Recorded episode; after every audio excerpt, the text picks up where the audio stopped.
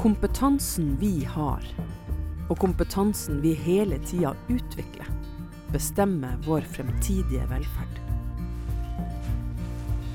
Derfor trenger vi hun som gjerne vil bli inkludert.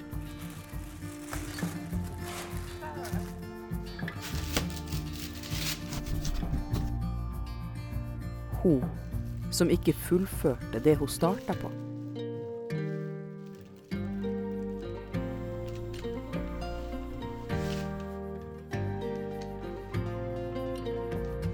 Han som hele tida må holde seg oppdatert for ikke å bli utdatert.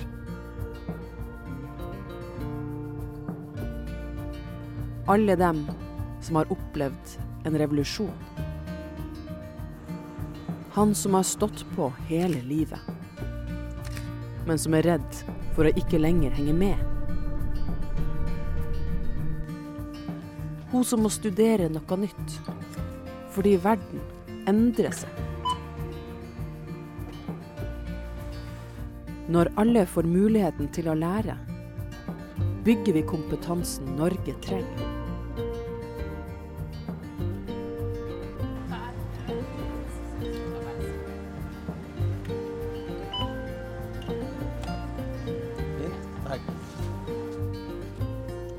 For den største verdien vi har, er oss mennesker og vår kompetanse.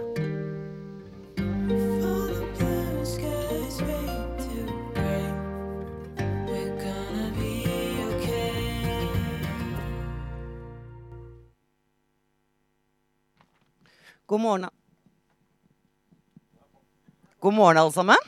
Og velkommen til kompetansefrokost. Og dette var eh, premieren på den siste filmen om kompetanse. Og på disse frokostene så legger vi jo an et bredt perspektiv på kompetanse. Det er viktig i forhold til omstilling som vi står i, for alle. Og dagens tema, det er som dere vet, den rapporten som er utarbeida hos oss, og som vi har fått noen bidrag på og som, heter, som er i serien Kompass. Den serien som vi lanserer en rapport av i året. Og i år så er temaet for Kompassrapporten seniorer og arbeid. Og jeg har i hvert fall reflektert litt omkring rundt dette. Når er man egentlig senior? Og jeg så at Senter for seniorpolitikk har undersøkt det litt nærmere. Og at fasiten er at mange arbeidsgivere sier at eh, de ser på folk fra 56 år og oppover som seniorer. Og da har i hvert fall jeg vært senior ganske lenge. Og når du er 56 år, så tror jeg at du fortsatt De aller fleste av oss vet at vi har mange år igjen i arbeidslivet. Og vi vet jo, fordi det har vært mye oppmerksomhet rundt det, at etter hvert som levealderen vår øker, og produktiviteten utfordres og skal holdes oppe for å sikre grunnlaget for velferdsstaten, så kommer flere av oss til å måtte jobbe og ville jobbe lenger enn det som har vært normen til nå. Vi kommer altså til å få flere år som seniorer.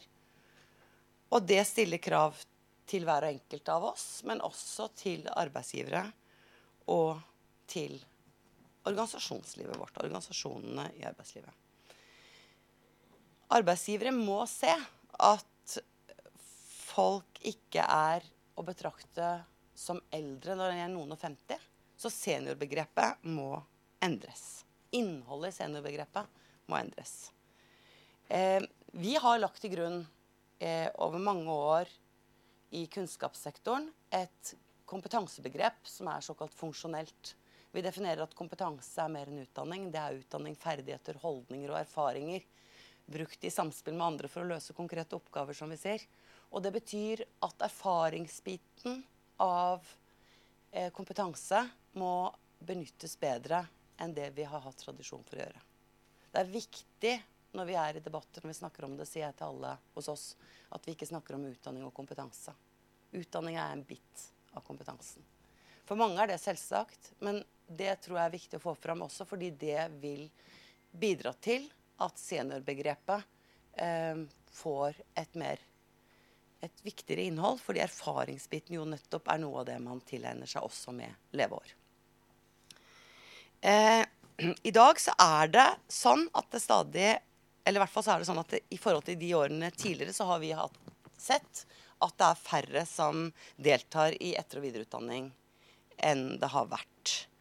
Eh, vi lager sammen med Statistisk sentralbyrå noe som heter Lærevilkårsmonitoren. Og den viser jo at de som er over eldre, de deltar mindre enn andre. Og mindre enn det, eh, enn det den aldersgruppen deltok tidligere eh, i læringsaktiviteter. Og her må vi få til endringer. For det er ikke nok å snakke om at livslang læring må bli normen. Arbeidslivet endrer seg raskt. Stadig flere virksomheter tar i bruk ny teknologi og digitaliserer arbeidsprosessene sine. Og da er det klart at begrepet livslang læring får et nytt innhold og blir kanskje enda viktigere enn tidligere. I dag skal Aslak Bonde, eh, litt i kjent stil, lede oss gjennom frokosten. Vær så god, Aslak.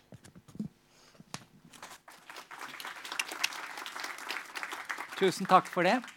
Eh, jeg skal bare gi noen praktiske beskjeder først nå. Det Nødutganger ser dere helt bak der og ut sånn. Hvis det skulle gå en brannalarm og dere går den døren, så havner dere på denne siden av bygningen. Da må dere gå rundt til kirkeristen, for der er det oppmøteplass. Men det er ikke planlagt noe øvelse nå. Eh, toaletter ute i gangen. Eh, vi streamer arrangementet, sånn at dere vet det. Og det var de praktiske beskjedene. Da skal vi sette i gang med å få litt faglig bakgrunn. Og den første som skal si noe, er Hanne Størseth eh, i Kompetanse Norge. Vær så god. Ja, eh, god morgen, alle sammen. Eh, jeg har fått æren av å presentere noen smakebiter fra Kompass.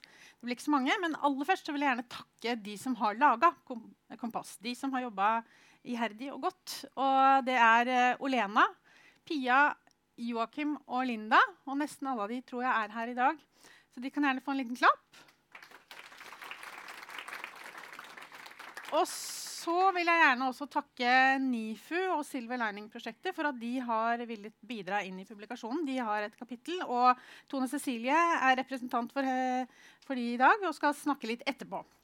Men altså, Kompass. Dette blir noen smakebiter eh, fra hva vi har. Og nå har dere jo fått sett filmen som sier litt om hva kompetansepolitiske feltet jobber med. Dere har hørt Gina eh, si litt om utfordringene. Men jeg har trukket fram to bilder fra media, for det kommer stadig mer i media om seniorene. Og det ene er jo det at vi vil at de skal stå lenger i jobb. Men det andre er det spørsmålet skvises de ut. Bl.a. knytta til digitalisering og digitale ferdigheter. Så det er på en måte noen sånne dilemmaer her, noen uh, utfordringer som, uh, som, vi ser veldig tydelig. Uh, og det er jo det som gjør at vi har laga et kompass om seniorene. Her ser dere hvor flott det ser ut. Um, vi tar jo tak i de kompetansepolitiske utfordringene vi har i Norge. Og her er de overordna spørsmålene.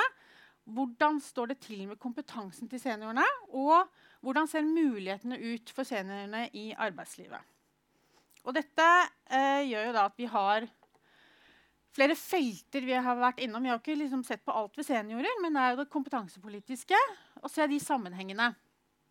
Og da er det inn i de eh, kompetansepolitiske prosessene er vi inne på eh, de seniorenes kompetanse og læring eh, med tanke på yrkesdeltakelse og arbeidstilknytning og eh, relatert til virkemidler eh, for kompetanseutvikling. Og jeg kan jo ikke si alt om det nå, i løpet av de få minuttene jeg har. Men det blir altså smakebiter. Og så håper jeg jo at dere vil eh, gå inn og se mer på publikasjonen og lese. Aller først så vil jeg si noe som allerede har skjedd med seniorene. Og her ser dere et bilde av utviklinga i hva slags utdanningsnivå befolkninga i Norge har. Det er 1980, og det er 2017. Og dere ser at Den oransje den har krympa betraktelig, og det er de som bare har fullført grunnskolen og så gikk ut i arbeid eller ble hjemmeværende. Eh, dere ser at det er skjedd en stor økning i den grå og den svarte, som er høyere utdanning. Så, og den endringa har skjedd. Fordi seniorene de ser veldig like ut som befolkninga totalt. Vil si at seniorene har nå formell utdanning på videregående nivå eller høyere i all hovedsak. Og den gruppa som har endra seg mest, det er den som er 60-66 år. For de har gått fra 60% som hadde grunnskoleutdanning, eh, til 20% Så det har krympa betraktelig. Så sånn det er greit å ha med seg at seniorene i dag De har utdanning. Det er ikke sånn som man kunne tenkt. At de er liksom, nei, de har ikke utdanning og de har ikke så mye å rutte med, men det har de. Og så vet vi det, at om noen tiår så kommer dette til å se enda mer eh, eh, utdanna ut. Fordi det blir mer høy utdanning. Og det kommer nå i løpet av de neste tiårene. Det ser vi på de gruppene som er 30 og 40 i dag. Så dette kan være greit å ha med seg i bånd. Så er det altså den digitale kompetansen som jeg jo eh, dro inn. Og vi vet at eh, de digitale ferdighetene synker med økende alder. Og det er ikke så rart, for det er jo en revolusjon som har skjedd.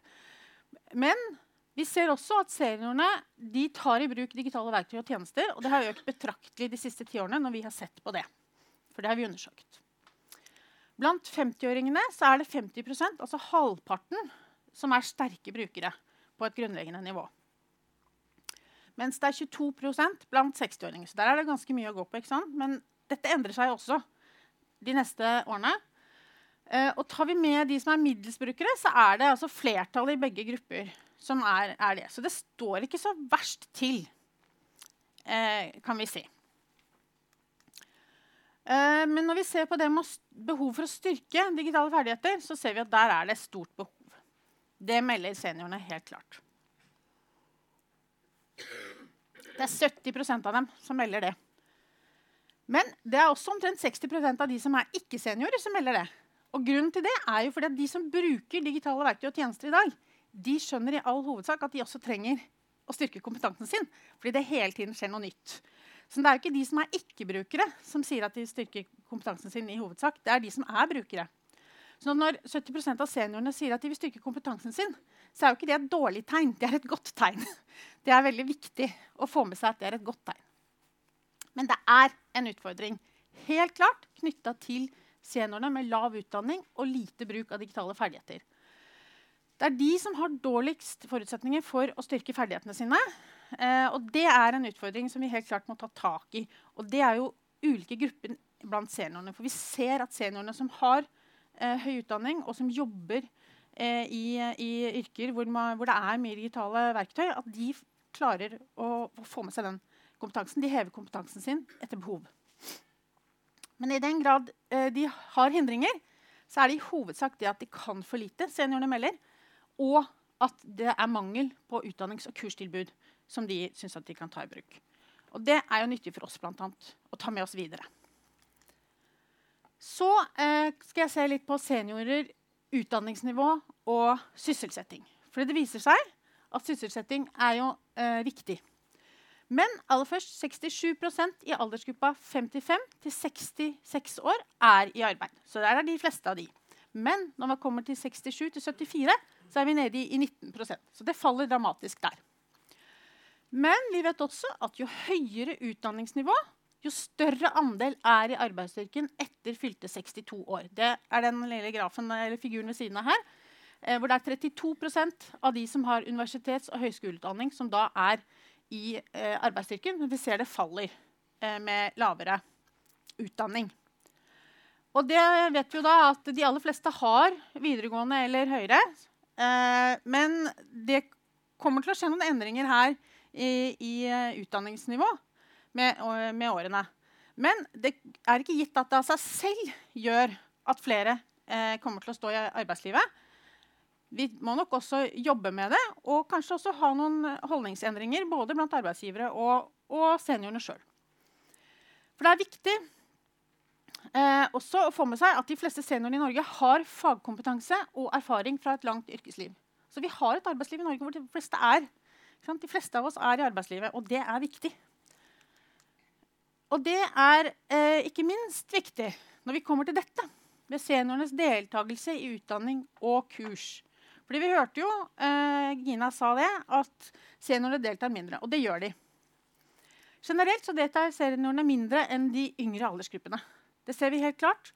Og 60-åringene skiller seg klart fra de andre aldersgruppene.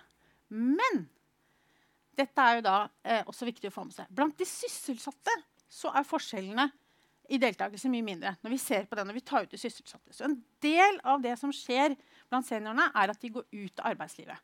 Så da kan vi jo si at det er, vil jo være en vinn-vinn å både holde de i arbeidslivet eh, fordi de får bedre kompetanse, og eh, at det å ha bedre kompetanse gjør at de holder seg eh, lenger i arbeidslivet. Så her er det altså noe sånn, Vi kan ikke si akkurat hvilken retning det går, men vi vet at begge disse tingene er jo viktig.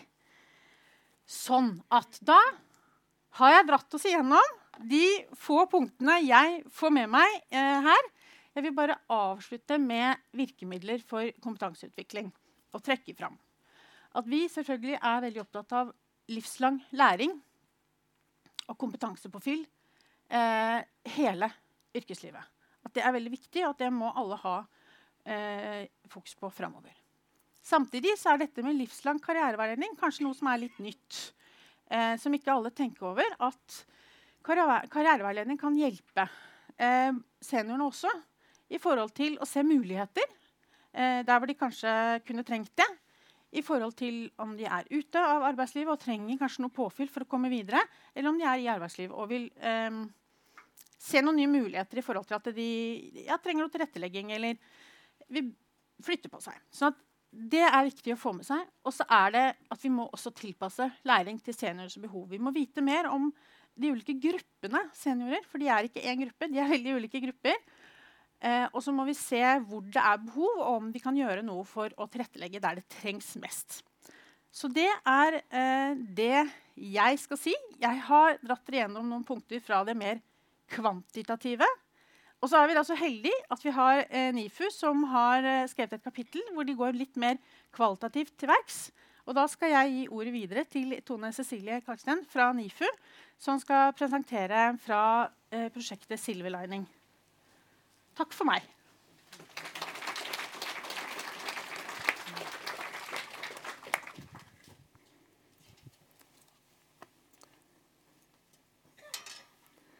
Best før, men ikke dårlig etter.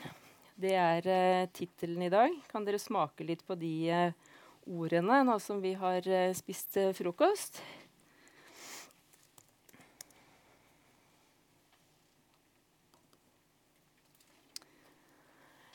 Først så skal jeg starte med en innrømmelse. Fordi jeg har også tidligere deltatt i forskning som brukes i debatter sånn som vi skal ha her etterpå i dag. Eh, og de funnene de kan tolkes slik at motivasjon for læring det reduseres med alder. Det er jo det disse statistikkene våre viser. Eh, og det brukes eh, eh i flere sammenhenger. Ingen skal gå ut på dato, heter det da fra regjeringen f.eks. Eh, når jeg har jobbet videre med det eh, og begynner å nærme meg den alderen selv, så har jeg tenkt eh, hvordan føles det egentlig for den enkelte arbeidstaker å leve med en sånn slags datostempling på egen kompetanse og dyktighet? Eller oppleves det på denne måten? Eller kanskje bedre spurt når i livet er det det kan oppleves slik? Mange av oss som er her i dag, vi kjenner hverandre fra ulike sammenhenger, og vi har hatt gode muligheter til å reflektere over det denne tittelen signaliserer i mange år. Vi vet gjennom felles arbeid og egen erfaring at de ordene vi bruker, avslører holdninger vi har til hvem som er på høyden, og hvem som henger etter. Og vi vet at uh, nye, med nye mål uh, så kan noe av dette endres, fordi hvem som er på høyden, det kommer litt an på hvilke strategiske mål man har også har satt seg. Uh, Slikt holdningsarbeid det har man jo jobbet aktivt med siden 90-tallet. Så dette er jo ikke noe nytt. Eh, så denne gangen så ønsker jeg å bidra til debatten eh, med de fem minuttene jeg har, ved å stille spørsmål ikke bare til holdninger, men også hvorvidt spørsmålene vi stiller, alltid er riktige. Om spørsmålene våre som forskere har god holdbarhet. Gjennom eh, vår nyeste forskning i NIFU eh, så finner vi det er egentlig overraskende at påstander om seniorers mangelfulle motivasjon for læring knyttes så tett opp til formell og ikke-formell læring som det ofte gjør. Eh, vi viser at seniorer ofte tar ganske veloverveide valg eh, av ekstra påfyll for å mestre nye utfordringer. Vi mener derfor at det kan være like aldersdiskriminerende å knytte vår mangel på kunnskap om deres egne valg og motiver til konklusjoner om synkende produktivitet. Kapittel 4 i årets utgave av Kompass handler om seniorers motivasjon for læring. Og NIFU har da blitt invitert av Kompetanse Norge til å dele noen betraktninger fra Silver Lining-prosjektet i denne utgaven. Så jeg inviterer dere til å lese det kapitlet. Og så er dere også invitert til frokostseminar i NIFU 20.6, der vi skal gå litt grundigere gjennom relevante funn fra ulike yrker. I kapitlet peker vi på at holdningsarbeid ikke bare gjelder alder, men da også hva vi anser som læring, eh, og hvordan vi forholder oss til relevant statistikk på området. På vei inn hit i dag eh, så gikk dere forbi Domkirken eh, og Oslo bispesete. Den norske kirke har vært et av casene i forskningen vår. Og Kirken er et veldig interessant case fordi den som organisasjon på mange måter ikke følger hovedstrømmen eh, med å haste og tenke best før, men ikke dårlig etter. Eh, men kanskje heller god før, men dyktigere med erfaring. Det er viktig i deres yrke. En av tre prester i Den norske kirke er over 60 år. Det er et godt case når man driver med seniorforskning. Alle har avlagt et formelt, alle prester har avlagt et formelt og høytidelig løfte om å holde seg i aktiv læring hele livet gjennom sitt ordinasjonsløfte.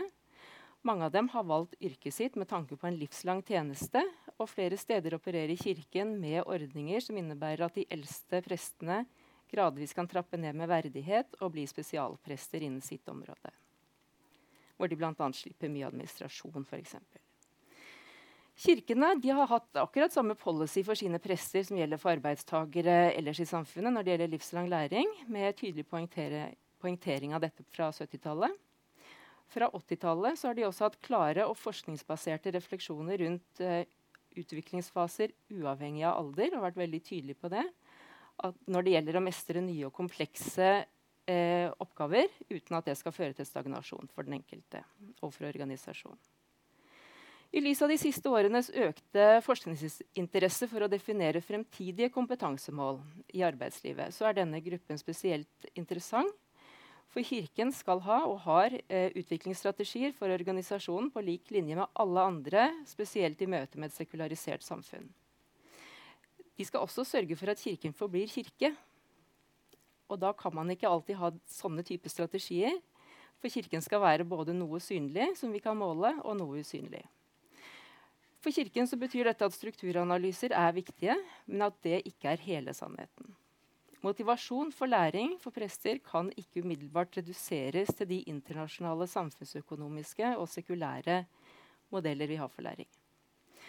alt det prester lærer, kan ikke umiddelbart måles. Likevel må de være på høyden for at vi som ikke er ansatt i Kirken, skal oppfatte dem som relevante der og for samfunnet. Vi har altså flere case i vårt prosjekt, men ved å velge Kirken denne gangen så har vi fått snudd litt på de dominerende modellene vi har for hva vi anser som gyldige måter å måle, seniorers holdbarhetsdato på. Og av og til så er det nyttig å velge case som ikke bare bekrefter, men som utfordrer våre egne perspektiver. Vårt kompetansesystem og de dominerende analyseperspektivene vi som forskere også bruker, de setter ofte individet som konkurrerer om formelle studiepoeng i sentrum. Mens vi i alle våre case ved å gå mer kvalitativt inn finner grupper som tenker litt annerledes. Det er modne mennesker som gir og tar. De lærer det de har behov for, og er opptatt av å få jobben gjort samtidig. Så best før, men ikke dårlig etter. Eller god før, men dyktigere med erfaring.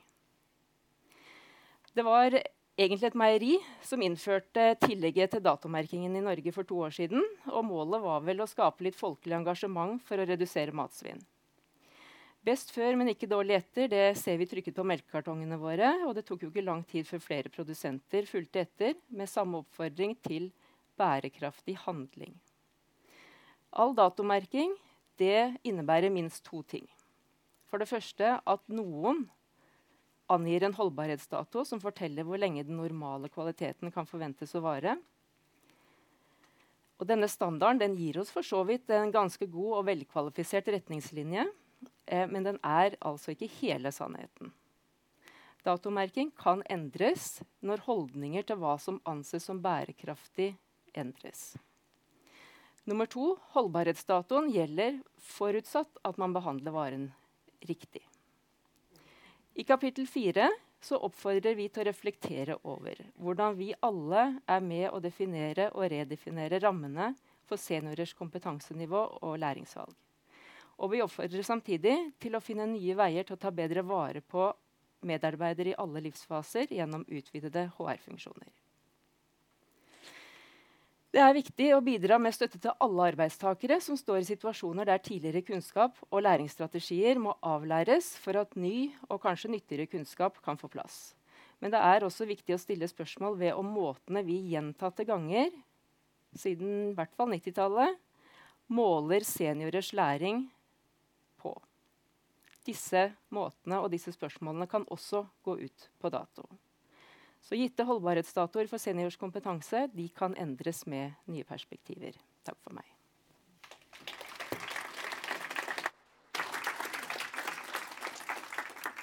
Tusen takk til dere to. Eh, det blir mulig å stille spørsmål til dem i den avsluttende når vi også åpner opp for spørsmål til panelet.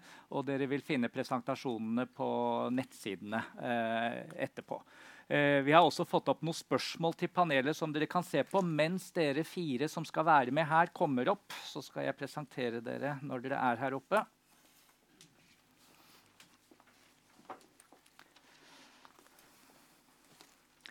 Da ser dere Kari Østerud i Senter for seniorpolitikk der ute. Eh, så er det Anne Katrine Hjertås i KS, kommunenes interesseorganisasjon. og også da, arbeidsgiverorganisasjon.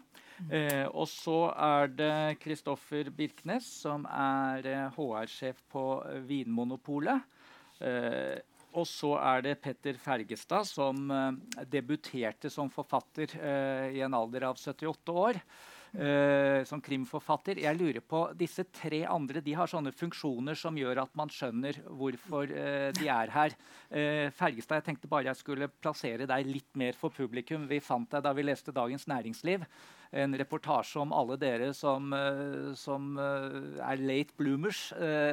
kan du ikke bare si litt om hvordan du kom inn til dette med plutselig å bli forfatter? Ja. Skal vi se, skal de skru på selv, ja? Ja. Mm. Um, ja, jeg vet ikke helt hvorfor jeg er her, jeg heller. Men det jo, kan, kan, jo være et, eh, et, eksempel på de dere snakker om. Ja. Dere andre her er jo, uh, antar jeg, i yrkeslivet. Kanskje noen er ute. Hva vet jeg. Uh, jeg har jo liksom vært igjennom alle fasene. Jeg har uh, vært ansatt i jobber som Eh, alle andre eh, i større og mindre bedrifter. Jeg har etablert bedrifter og ansatt folk sjøl. Eh, holdt på mye med forskning og utvikling. Alt dette har vært teknologisk basert. Da. Jeg har en doktorgrad i, i, elektroteknikk. Så jeg har vært en veldig teknisk fyr.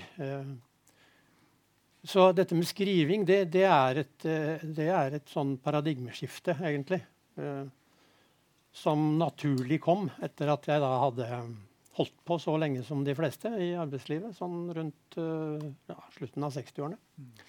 Så da jeg pensjonerte meg, så så jeg meg rundt etter andre ting å gjøre. Uh, jeg har jo alltid vært glad i å fabulere. Siden jeg har drevet med forskning, så har jo det å stille, spørsmål og lure på hvordan ting henger sammen, det, det, har jo vært naturlig. Så det å skrive fiction, uh, det er jo ikke så fjernt fra, fra selve det å lure på. Men eh, det er veldig fjernt fra det å formulere seg. I arbeidslivet så skal du jo helst bli forstått. Det er ikke noe tvil om hva du sier og mener. Eh, når du skriver fiksjon, så er det er det, det han mener, eller er det det? Nei, jeg legger det noe mellom linjene. Så det er en veldig forskjell i måten å bruke hjernen på. Og det er vel noe kanskje da som kan være et innspill i den sammenhengen. At, eh, at det å skifte retning det var snakk om hva, hva er det vi skal bruke eldre til. Og de skal kanskje ikke brukes til å fortsette å gjøre det de gjør og har gjort. De skal kanskje i større grad brukes til andre oppgaver. Det stimulerer dem, og de har noe å bidra med. Så det at et litt uh, Nå blir jeg lang, kanskje? Nei, men uh, ja, litt. Ja, uh, da, si lar vi det være. så siden vi nå skal prøve å jeg, jeg, sa før vi startet at dette blir ikke noen TV-debatt. Dere skal få lov til å si ting ordentlig, og vi skal prøve å resonnere. men ikke dra det til noen ytterligheter, noen av dere. ikke gjør sånn som meg. Nei, men bare, Og du gikk veldig målrettet til verks, for du tok jo, du meldte deg på forfatterkurs. altså du, du gjorde det ordentlig. Ikke sant? Jeg var vant til det, ja. ja nettopp. Uh, så da, uh, og dere andre får ikke lov, fordi dere er litt mer sånn uh, i form av posisjoner her. hvis dere ser bak dere, så er det stilt opp et spørsmål har seniorene motivasjon til å lære det som trengs for å stå lenger i arbeidslivet. Altså, og det bunner jo da i eh, funnene om at det er mye mindre formell etter- og videreutdanning eh, for de eldste. Jeg lurer på om jeg bare skal starte for å gå til den andre enden med et ja-nei-spørsmål. Har seniorene den motivasjonen til å lære det som trengs for å stå i arbeidslivet? Ja eller nei? Rekk, eh, dere kan jo rekke opp hånden. Ja. Du mener vel ja? Nei, jeg mener både ja og nei. Ja, eh, ja.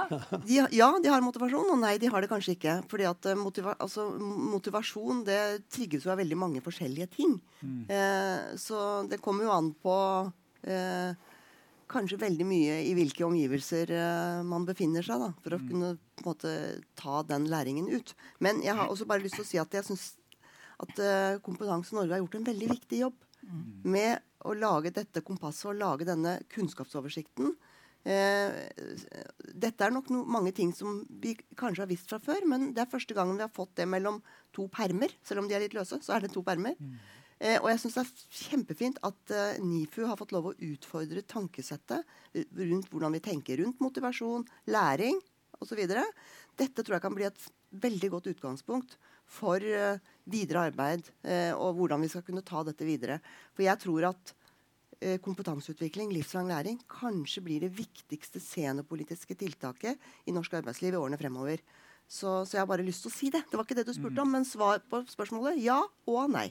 Ja, ja og da, hvordan er det sett fra disse to ulike mm. arbeidsgiverståstedene? Hjertås først. Ja, eh, jo, takk for invitasjonen. Jeg representerer da alle landets kommuner og fylkeskommuner, som er store arbeidsgivere. Og, og da må jeg si til deg, er vi på fornavn, eller? Eh, er veldig formelt her. Vi er på fornavn. Vi er det, ja. Det hører til den nye tid. Ja, Så, fint. Ja. det er så mye greiere sånn. Ja. Eh, nei, altså jeg tenker vi Som Kari fra Senter for seniorpolitikk sier, dette er viktig. Det er viktig å bli satt på dagsorden, så takk for det. Og takk for muligheten til å, å, å reflektere rundt det. Og kommuner som sagt, og fylkeskommuner er jo store arbeidsgivere. I de fleste kommuner så er kommunen den største arbeidsgiveren. Og, og når, liksom, hele spørsmålet her må jeg si at jeg kan ikke si ja og nei til spørsmålet. Aslak. Det, det, du vil liksom bare knør alle seniorer inn i en klump. Og, og sånn er det jo ikke. Og vi vet at det er sånn stort spenn. Og i kommunene så jobber folk som ikke har formell kompetanse. Det jobber ingeniører som gjerne står til de er 70 og har lavt sykefravær. Altså det er kjempestort spenn. Og så er det sånn at det, folk, det er ulike, Vi ser ulik motivasjon og vi ser ulik tilrettelegging. Men det, det, har lyst til å si, er at vi eh, gjennom vår store medarbeiderundersøkelse, som er forskningsbasert og utviklet sammen med BI, så ser vi at de eldste arbeidstakerne er de som, er, som syns de får brukt sin kompetanse mest. Og jeg tenker at Det er viktig å reflektere rundt. for det, Du kan drive og måle liksom, tar du kurs, tar du etter- og videreutdanning, men vi vet at for å være tilfreds på jobb, så er det viktig å bruke kompetansen din. Det gir deg autonomi. Så dette er komplekst og det er sammensatt. Så det er ikke enkle spørsmål og ikke enkle svar. Nei. Men da fikk jeg vite det, og da får jeg jo si, Kristoffer, da du, du, vil vel heller ikke svare ja-nei, da? Nei, men jeg tenkte jeg skulle begynne bare en sånn eh, generell betraktning med tanke på alder. Mm. Og alder eh, som tema i arbeidshverdagen. Eh, som er tema her, Men det er òg et tema som jeg opplever. Det første jeg, eh, en av de første tingene jeg fikk høre når jeg kom her i dag, eh, var fra Petter, som sa 'Dette er ikke gamle mann, nei'. Sånn at eh, bare et en setning eller to, så var det liksom tema eh, for min del. Sånn at jeg kjenner på det, jeg. Mm. Eh, men når det gjelder eh, Vinmonopolet og eh, spørsmål om eh, alder og motivasjon, så tenker jeg at i utgangspunktet så vil jeg påstå at det er større variasjon mellom generasjoner eller innad eh, i generasjonen enn mellom generasjonene. Mm. Eh, og at spørsmål rundt eh, motivasjon og holdninger eh, er viktigere enn hvilken alder eh, du har. Mm. og så tror jeg òg at ja, ja, alder har kanskje noe å si. For jeg merker jo etter hvert som jeg òg blir eldre, så blir jo personligheten mer og mer satt. og da har jeg kanskje funnet ut av at dette liker jeg, og dette liker jeg ikke. og spesielt med tanke på digital kompetanse. så hvis en har funnet ut at dette med data det er ikke noe for meg, eh, så vil det være uheldig med tanke på utviklingen av kompetansen for å følge med eh, i arbeidslivet. Sånn at det er nok en sånn oppfordring som, eh, som jeg i hvert fall ville hatt. at det, Hvis en har kommet til det eh, standpunktet at data ikke er noe for meg, så, eh, så må en tenke seg om eh, hvis en har lyst til å fortsette å ha et langt arbeidsliv. Mm. Her ligger det til rette for en, eh, en veldig dyp samtale når vi vel alle da er enige om at det går ikke an å generalisere i dette. Men likevel så er det jo et faktum. Uh, sett fra toppen så er det et faktum at det er mye mindre arbeid med å utvikle kompetanse formelt blant de over 60 enn de under. Ikke sant? Uh, Fergestad, hva tror du om alle de seniorene? Hvorfor er det slik at langt færre av dem prøver å gjøre noe målrettet for å utvikle kompetansen deres? Ja, Hvis du hadde spurt meg om det spørsmålet, så ville jeg jo vært kort og sagt nei. Ja, Du ville sagt For, nei? Ja. Ja, at de ikke har motivasjon? til det. Vi har ikke motivasjon. Eh, det er min erfaring. Jeg, så bra. Du er den tabloide her. Ja, jeg er ja. tabloid. Jeg sa så mye i sted, så da må jeg være kort nå. Men um, jeg kan ikke helt motstå fristelsen. Um, jeg vil skyve litt ansvaret, hvis jeg kan kalle det det, over på Jeg sier oss, jeg, da. For jeg tilhører den gruppen. Mm. Uh, kona mi, Mormora til kona mi hadde en hund. Og da, da mormoren døde, så la hunden seg ned med nesen i tøflene hennes, og der lå den til den døde. Uh, det er det syndromet jeg syns jeg ser.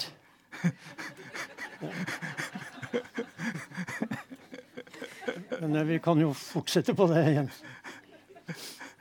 Videre samtalen. Ja. Men sånn ser jeg det, da. Ja. Rett og slett. Vi over 60, jeg er også i den gruppen, vi lever i omgivelser, enten med de nære eller litt mindre nære, som ikke stimulerer oss til å søke nytt påfyll. Eh, Kari først. Eh, ja, og den er jo morsom, den uh, stereotypiske beskrivelsen av en 60-plusser som uh, liksom har satt på alle bremsene og skal bare liksom surfe inn til pensjonstilværelsen. Men motivasjon er jo ikke en faktor som liksom lever i et vakuum uavhengig av hva som skjer rundt deg. Så altså, motivasjon kan jo både stimuleres og svekkes.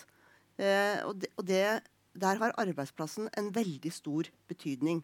Eh, våre undersøkelser viser f.eks. at når eh, norske virksomheter skal innføre ny teknologi, så setter man jo gjerne ned team, prosjektteam som skal jobbe med dette her.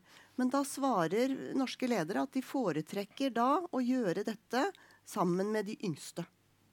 Så hvis du ikke får lov å være med på den prosessen, så får du heller ikke den uformelle læringen i å ta den nye teknologien i bruk. Du er altså ikke tatt ut på laget, du får ikke være med. og Det gjør jo noe med motivasjonen. Det er liksom Hvis du sitter på innbytterbenken hele tiden, da er det veldig mange som slutter med den idretten. Eh, sånn at eh, der kan man gjøre ting helt annerledes i hvordan man or organiserer innføring av ny teknologi og nye arbeidsprosesser. Og det at du blir sett av de nærmeste leder, at du blir stilt krav til, at du ikke blir satt på tørkeloftet. Vi kjenner alle eh, altså, eh, Det er jo ikke noe vi snakker om. Jeg tror alle skjønner hva jeg mener når vi sier tørkeloftet. Eh, noen virksomheter setter seniorene sine på tørkeloftet. Da blir du ikke veldig motivert til å ta videre læring. Vi i Senter for seniorpolitikk har studert hva noen norske industribedrifter har gjort. Det er kjempespennende. Ta Borregaard, f.eks. Eh, som er en stor norsk tradisjonell industribedrift som eh, er veldig lønnsom, eh, og som tjener gode penger. I gamle dager så hadde du den der litt sånn møkkete industriarbeideren som sto ute i fabrikken og, og, og, og styrte maskiner. Eh, I dag er dette en heldigital virksomhet hvor den gamle industriarbeideren har blitt en eh, prosessoperatør. Sitter i hvite, eh, sterile rom og styrer fabrikker via datamaskiner. Det som Borregaard har gjort, som egentlig er helt fantastisk, det har de gjort eh, eh sammen med seniorene. De har hatt med eh, de eldste medarbeiderne på laget når de har endret disse prosessene. Og i løpet av noen år så har avgangsalderen i Borregaard økt med fem-seks år. Altså Før så gikk alle av før de var 62 år. Nå jobber de til de er nesten 70. Så det er mulig, og de har den digitale kompetansen ja. som trengs. Anne Katrine. Mm. Nei, um, det er jo litt interessant. Gina Lund sa innledningsvis her at kompetanse er et mye større begrep enn formell utdanning. Og så begynner vi å snakke om hva, hva gjelder da seniorene. Så sier du ja, de tar mindre etter- og videreutdanning. Og så plutselig så er det nå helt begrensa igjen ned til hva kan vi telle og måle, hvor mange kurs du har gått på. Så tenker jeg Kanskje vi også må utfordre oss selv, for det vi ser, er jo at eh, kanskje vi ikke synes at I det hele samfunnet nå så er det mindre bruk av formell etter- og videreutdanning. Det er nedsatt et utvalg som ser på det, kompetansebehovsutvalget ser på det. alle lurer på det. Kanskje det er det at vi ikke syns det er bra nok, det som leveres. Kanskje det ikke er relevant nok.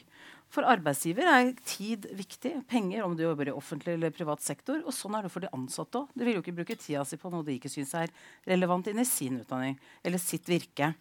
Og så tenker jeg her eh, at vi har eh, Det store bildet er jo at vi trenger faktisk at alle jobber lengre. Jobber både lengre dager for de som ikke jobber heltid, og at vi jobber flere år.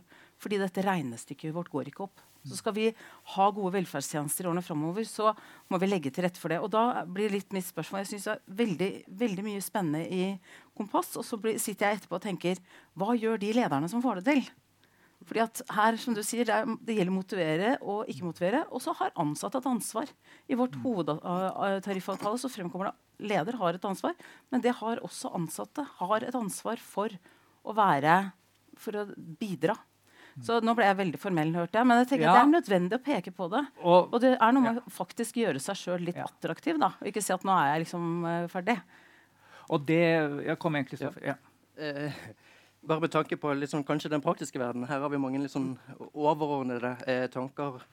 Men en av, eh, en av, de måtene som i den eh, seinere tiden i Vinmonopolet har begynt å snakke om eh, den, e, den, det ansvaret som en må ta for sin egen kompetanse, er at uh, tidligere så var det gjerne sånn at en måtte vente på å få den medarbeidersamtalen. Det er leder som tar initiativ. Det er leder som tar initiativ og finner ulike kurs. Mens nå har vi i samlinger med våre ansatte så har vi sagt at eh, vi har et lederskap og vi har et medarbeiderskap. Og disse skapene er egentlig helt like. Og vi vil at eh, den som starter medarbeidersamtalen, kan like gjerne være medarbeideren som lederen at den personen som er opptatt av sitt, uh, sin egen arbeidshverdag og sin egen kompetanse, er jo først og fremst den sjøl. Jeg er mer opptatt av hva jeg kan og min egen kompetanse enn den lederen er. Og Det tror jeg òg er en anerkjennelse som både arbeidsgivere eh, må ta, men òg at en må endre kanskje den bedriftskulturen. At det hele tiden er ledelsen som skal pushe. Nei, her skal vi jobbe sammen. Men spørsmålet Kristoffer, det er er arbeidstagere over 60 like interessert i å utvikle sin kompetanse som de under 60? Og i, eh, Min erfaring, eh, og det er jo kanskje det som er litt artig også i Vinmonopolet, for da er det veldig gøy å drive med kompetanseheving. For det handler jo om å smake vin. Mm. eh, og det gjør vi hver eneste fredag i alle butikker i hele Norge. Så er det sånn at eh, du, det er jo en like lite Jeg tenkte på da du kom med prestene dine. altså det er jo veldig interessant, men det fins jo ikke representativt. Altså Når presten står der oppe, vil jeg høre livsvisdom. Når læreren står og famler med smartboardet på skolen, så er det jo helt åpenbart at det funker dårlig i forhold til elevene og er en veldig lite god følelse for læreren. Altså, jeg tenker ja, vet du, Jeg tror ikke du har rett. Aslak. Tror du ikke det? Nei, for jeg tenker at Kompetanse er jo relativt i forhold til hvilke oppgaver du har, og hvilke, hva skal du gjøre. Så jeg synes at Det er utrolig mye læring i det. Så sier du alle kan jo ikke ha de arbeidsvilkårene som prester. Nei, men, ha, men det har noe med dette å ha autonomi i den jobben du har.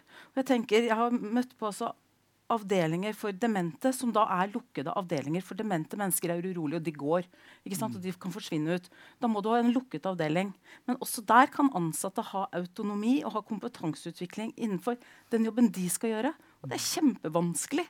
Og, ikke sant? Sånn at du, du, må, liksom, dette her er jo ikke, du skal ikke gjøre som prestene. Du skal se det innenfor det. Hva er din jobb? Men syns du ikke jeg har et poeng i det hele tatt at det er en del arbeids... Det var ikke deg jeg egentlig skulle diskutere nei, med. Nei, det er, men, altså, nei, og det er jo, men jeg må jo prøve å dra litt i denne debatten. Altså, eh, jeg er jo en del av en eh, bransje hvor det er disrupsjon, altså mediebransjen. Mm. Eh, sånne som meg som driver og kommenterer, vi kan stole på at rynker og grått hår er et forse. Mm. Mens alle de som driver med datastøttet journalistikk, det er klart at eh, det er veldig få av mine jevnaldrende som kaster seg på det. Eh, jeg vet ikke om en eneste en. Jo, hun sitter der. Eh, ja, ja, ja, selvfølgelig. Ja, men Det er virkemidlene hun bruker. Men sånn som stordataanalyse, f.eks., som eh, de bruker mer og mer som avslørte taxisvindel på Stortinget og sånt noe. Det er klart det krever veldig avansert bruk av Excel-ark. Men, men, men hvis jeg kan få kommentere det fordi at vi, vi, setter lik, altså når vi, vi snakker om digitalisering og snakker om senior, og så tenker vi Oi, stort problem. eh, altså, det, det at vi skal digitalisere og automatisere, det er en utfordring for alle, uansett alder. Ja. Altså, det er en kompetanse som alle eh, vil trenge å oppdatere seg på. Altså, det er jo sånn at eh, Selv en 30-åring som tok sin utdanning for seks år siden, har utdatert kompetanse. Så det har ingenting med at du er senior og ikke senior å gjøre. Vi fikk Infuture til å lage en analyse for oss for et par år siden. Vi kalte den digitale senior. For vi hadde egentlig kjøpt den fortellingen litt, vi. At det er litt sånn problematisk med digitale, eh, digitalisering av seniorer. Eh, konklusjonen på den analysen var egentlig eh, Vi ble veldig overrasket, fordi det de sier er at Vi gjør den oppvoksende generasjonen en bjørnetjeneste ved å kalle digitale innfødte og tillegge til kompetanse som de kanskje ikke har. Alle trenger å, å utvikle og oppdatere sin digitale kompetanse. Eh, Petter, jeg tror eh, jeg endte jo nå plutselig i debatt med det, men det tar seg ikke ut. Eh, kan du, altså Det var jo du som dro i gang akkurat dette her. Hva tenker du om det de sier? De er fordømt politisk korrekte, er det ikke det? Jo, blir det liksom min rolle å provosere her? Ja. Ja, alt dette er jo riktig. Det er umulig å generalisere, men jo mer, jo mer riktige og generelle vi blir, jo mindre er det jo å diskutere. Eh, det som eh, det som eh, du sa om at eh, de må ta ansvaret sjøl, det, det er det jeg mener da, med denne bikkja. Ja. Eh, og det er selvfølgelig et gjensidig ansvar, det òg. Men jeg tror at når bedriftene ser på sin, sin daglige dont, mm, så har de en tilbøyelighet til å, til å tro at det vi gjør nå, det skal vi gjøre i morgen, og det skal vi gjøre i overmorgen. Eh, noen må løfte blikket og se litt langt framover. Det er nesten ingen som har tid til det i hverdagen. Eh, alle sier at ja, det er viktig med langsiktige mål, og, og vi må ha perspektiver. Men jeg tror at um, nettopp denne erfaringen som de eldre har, um, har fått gjennom et langt arbeidsliv, den kan bevisst brukes i nettopp sånne sammenhenger. Eh, la dem få slippe litt tak i, i disse kjappe digitale løsningene for i dag, for den rapporten som skal ut nå. La dem få ha de lange perspektivene og bidra med sin erfaring til å prøve å, å forme fremtidens bedrifter. Eh, Jeg ser ofte det, og det har jeg sett eh, i, i veldig lang tid. eh, Og dette er ikke et, et spørsmål om eldre eller yngre, men det er et spørsmål om en tidsånd, tror jeg, som går på at eh, når det er så mye digitale verktøy å få tak i, så er det det som blir fokus. Du blir ikke interessert i å bruke tid på det som ligger bak, for dette verktøyet er jo ikke poenget. Poenget er jo å løse de problemene som du ser. Det er et fenomen i verdensrommet, eller hva det måtte være. Og det er det fenomenet du må skjønne. Å bruke et teknisk verktøy til å skjønne det, det er greit nok, men det, det, det kan ikke stoppe der.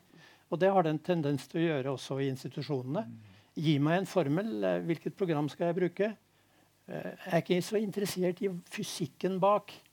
Og dette eh, er eh, nær sagt livsfarlig. Eh, Vi blir så opptatt av det vi kan gjøre med disse fantastiske nye verktøyene, at vi glemmer å bruke tid på de store linjene.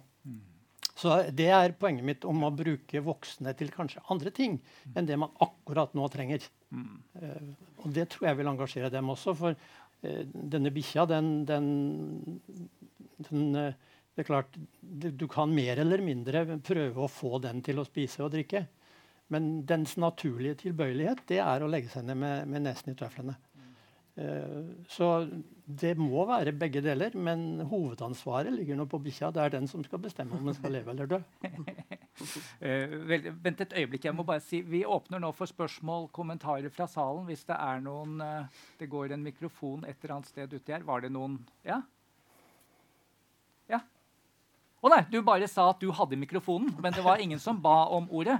Nei, fordi da altså, Jeg er litt redd for å være den vanskelige mannen. Da skal jeg bare ta akkurat én problemstilling til uh, Christian. fordi HR-sjefer Nei, til Kristoffer. Uh, dere tenker jo på, i større og større grad på å investere i medarbeidere.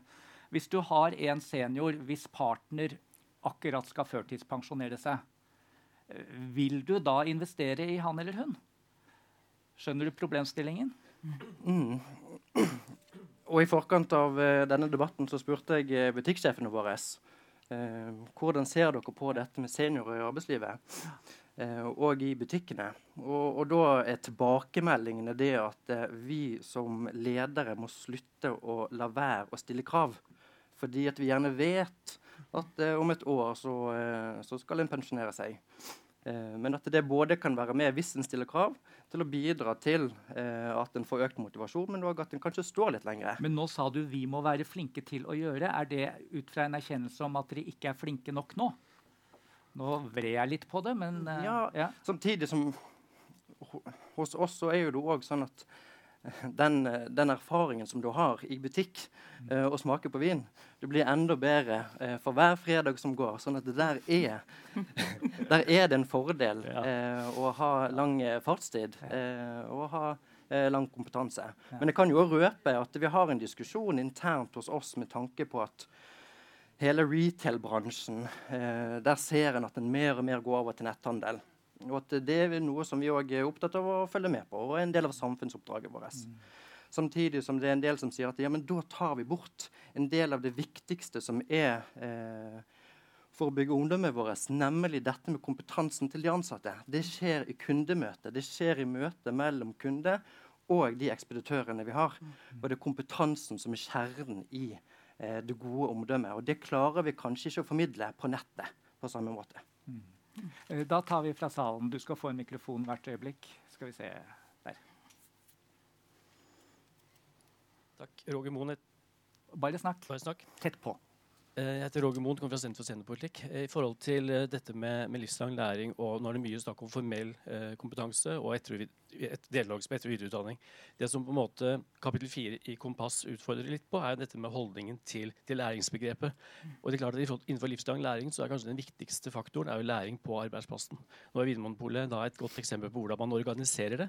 Men tenk på all den uformelle læringen som skjer på arbeidsplassen som ikke er organisert. Som går på kollegabasert veiledning, og som også går på, på måte seniorenes ansvar for å si, være selektive i forhold til hva man deltar på av etter- og videreutdanning. Det at deltakelsen på etter- og videreutdanning går ned, tenker jeg er helt normalt. Og Vi må ikke problematisere det for mye. Selvfølgelig skal det stimuleres til at flere også deltar. Men at å se utelukkende på det, det blir veldig, gir et veldig snevert bilde. Så Derfor syns jeg NIFUs bidrag er veldig, veldig bra i forhold til å utfordre oss på hvordan vi faktisk tenker etter- og videreutdanning. Hvordan vi tenker læring. Hvordan vi måler læring. Og ikke minst det som kanskje er kjernen i livslang læring, og hvordan vi får til å stimulere mer til læring på arbeidsplassen. Mm. Og gjør oppmerksom på at vi er noe annet enn melk, som ikke surner. Eh, ja, Ann Katrine, grip fatt i dette. Altså, hvordan Det er helt sikkert noe å hente ute i kommunene for å jobbe bedre med dette. Ja. Jeg tenker vi har um Altså det, det, diskusjonen går på mange nivå. En ting er det samfunnsøkonomiske. åpenbart behovet for, Men så er det, det på det individuelle og så er det på arbeidsplassen. Hva kan arbeidsgiver legge til rette for, og hvordan kan man stimulere? Eh, vi, vi, ser jo at dette slår inn på mange måter. For så mener vi at det er en sammenheng også med manglende opplevd mestring og kompetanse og sykefravær. I den syke, nye avtalen som ble signert i desember, for første gang er kompetanse brakt inn som et tema der. Og det å prøve å få den forståelsen at Vi ser at vi har gode velferdsordninger i Norge, men det er jo sånn at du må ha en diagnose for å få tilgang til dem. Det å ha manglende kompetanse som gjør at du ikke opplever mestring, kan sikkert gjøre deg syk. Det, det gir deg ikke rett til noe? Sånn at eh, Det er noen komplekse sammenhenger her, og dette har vi prøvd å sette på ord på i flere måter. Og også en sånn erkjennelse om at starte tidlig ved en ansettelse og tenke at du må hele tiden forvente at du skal utvikle deg, utvikle kompetansen din. Dette kunne jeg ha snakket lenge om, men det, vi kaller det for en type jobb, eh, manglende jobbmobilitet. Fordi at du har kanskje ikke en kompetanse som gjør at du kan gå videre til et annet sted. Og, nå, og det, dette er jo komplekst, fordi for den enkelte ansatte så kan det føles veldig vanskelig, nesten trakasserende. Hvis, arbeid, hvis, du er i en vanskelig arbeidssituasjon og arbeidsgiver tidligere kommer og sier trenger ikke du litt ny kompetanse, så kan det oppfattes helt galt. Så vi må få en holdning til at vi eh, har den dialogen og medarbeiderskapet som du snakker om, hele tiden. Og det må starte med en gang. fordi er det ikke så vanskelig når du plutselig kommer i en situasjon hvor du sier at eh, du kan ikke lenger bli her i akkurat den jobben. Mm. Mm. Da har vi et spørsmål, kommentar derfra. Jeg heter Claire Seville. Jeg kommer fra Karriereveiledningssenteret i Asker og Bærum, som er et av de offentlige karrieresentrene. Uh, vi ser en økning på henvendelser fra folk uh, 50 pluss. Fra 2,5% for fire år siden til 8,5 nå. Mm. Uh, og jeg ser også på statistikken til Nav at det er flere og flere arbeidsledige, dvs. Si arbeidssøkere over 50. Um, det jeg syns hadde vært interessant å utfordre på, hvis det er tid til det, det er jo um, hva skal vi som skal veilede arbeidssøkende seniorer, som vi da får flere og flere av, vi har lyst til å bli gode på, um, hva slags råd og oppfordringer uh, kan komme fra panelet? Ja, Vi har to minutter. Petter først. To ja. minutter, ja. I um, Drammen, eller i, i, Buskerud, så er det noe som heter Arbeidsinstituttet. Jeg vet ikke om dere kjenner det? Eh, hvor, de driver med mm, motivasjon eh, og, uh, og opplæringstilbud på unge. Og det går mye da på å få de som faller ut av skolesystemet, til å engasjere seg, men i en annen setting. Og det handler mye om å finne deres unike styrke, hver enkelt. De har hatt uh, veldig gode resultater med dette. Mm. Og det tror jeg kanskje det handler litt om. da, at uh, Hva er det du kan? Spørsmålet. Uh, jeg kan ikke stå her og gi deg noe råd. Jeg, jeg, har jo ikke noe greie på det der. Men, men, det å bli spurt om ja, hva er det egentlig jeg kan, for det er det mange som ikke spør seg. De bare ser at nå har jeg ikke jobb lenger. Det var denne jobben jeg gjorde. Kan jeg gjøre en annen jobb? Er det noe jeg har lyst til å gjøre? Så motivasjonen må da hentes i å hjelpe vedkommende til å finne fram til disse sterke sidene. Hva nå det måtte være, for det vet han antagelig ikke selv engang. Og begynne å tro på seg selv. Og begynne å tro på seg selv, For det handler ikke spesielt om eldre. Det der er et, et problem for alle, på alle nivåer. Ja. Vi har ikke tid til hele runden, så jeg tror kanskje Kari skal få ja, altså Det er et veldig viktig spørsmål. og, det, og det en, eh, Selv om det ikke gjelder veldig mange, så eh, de som blir rammet av, av, av ledighet og er arbeidssøker over 50-55 år, det er, er, en ganske tøff skjebne. Fordi det er, et, det er et tilbud. De tilbyr en arbeidskraft, og så er det en sånn etterspørselsside som kanskje ikke fungerer i Norge. Og vi må begynne å snakke om det også. Fordi at det er veldig mange arbeidsgivere som er utrolig skeptiske til å ansette eldre arbeidstakere. Eh, og jeg tror at det, det, løftes jo frem i Kompass også, dette betydninga av karriereveiledning. Altså sette ordentlig trykk på og, og, den hjelpen som eldre arbeidssøkere får, og, og, jobbe mye mer systematisk og grundig med det enn vi har gjort til nå, det tror jeg det er veldig mye å hente. Og så er det på dette, Alle har snakket om holdninger. og da vet Vi snakker om at eldre er mindre motivert og har mindre digital kompetanse, og at de putter nesen i tøffelen og sånn. Alt sånn, det bidrar til å svekke lysten til å ansette dem. Så vi har alle et ansvar for den retorikken vi bruker når vi snakker om eldre. Eh, og det det er et langt lerret å bleke, så alle her kan, kan bidra til å endre litt på, på hvordan vi omtaler For vi, jeg tror vi har et bilde av vår gamle bestemor i hodet når vi snakker om seniorer. Men en typisk senior det er sånne som meg, f.eks. Jeg er 58 år, jeg er en typisk senior. Eh, eh, og jeg tenker at eh, jeg har vel aldri vært så god i jobben min noen gang som jeg er nå. Jeg har aldri vært så produktiv og, og problemfri. Jeg er frisk, jeg har ikke små barn. Eh, og sånn er det for alle andre i min alder. Problemet er at man skjønner ikke før man er der. Problemfri uten små barn. Ja. Var, du må passe på språket ditt nå! Ja, ja. Det har du helt rett i. Det har du helt rett i. Og det er veldig mange seniorer som hjelper småbarnsforeldre med å passe de Ja, ja, små ja. barna. Eh, Gina skal takke dere, men dere kan få en applaus to ganger. Ja. Takk til alle dere som kom for eh, at dere var her. Og tusen takk til dere for nye perspektiver. Jeg er særlig glad for at dette som handler om at eh, den viktigste læringsarenaen vår faktisk er jobben, kom fram. At det er på jobben vi kommer til å lære masse. Så fra én senior til noen andre så vil jeg gjerne få lov til å gi dere en liten eh, greie som er til det problemfrie livet Ja. eh, med vann oppi. Tusen takk. Det er sånn kjekt å ha. Ehm, og så er det sånn at det blir ny kompetansefrokost hos Kompetanse Norge, men ikke før til høsten. Og nå skal vi bruke sommeren alle sammen til å tenke ut hva det er som kan bidra til at vi blir mer bevisst hva vi lærer, og hvordan vi bruker det. Fordi det er ikke sånn at um, dette er noe som bare kommer rekende på ei fjøl. Vi må ha et mye mer bevisst forhold til hva læring innebærer, og hvordan vi skal bruke det, som også Unge Moen var inne på her tidligere i dag. Vel hjem, og takk for at dere kom. Og, ja, og tusen takk til Aslak for igjen godt levert debatt.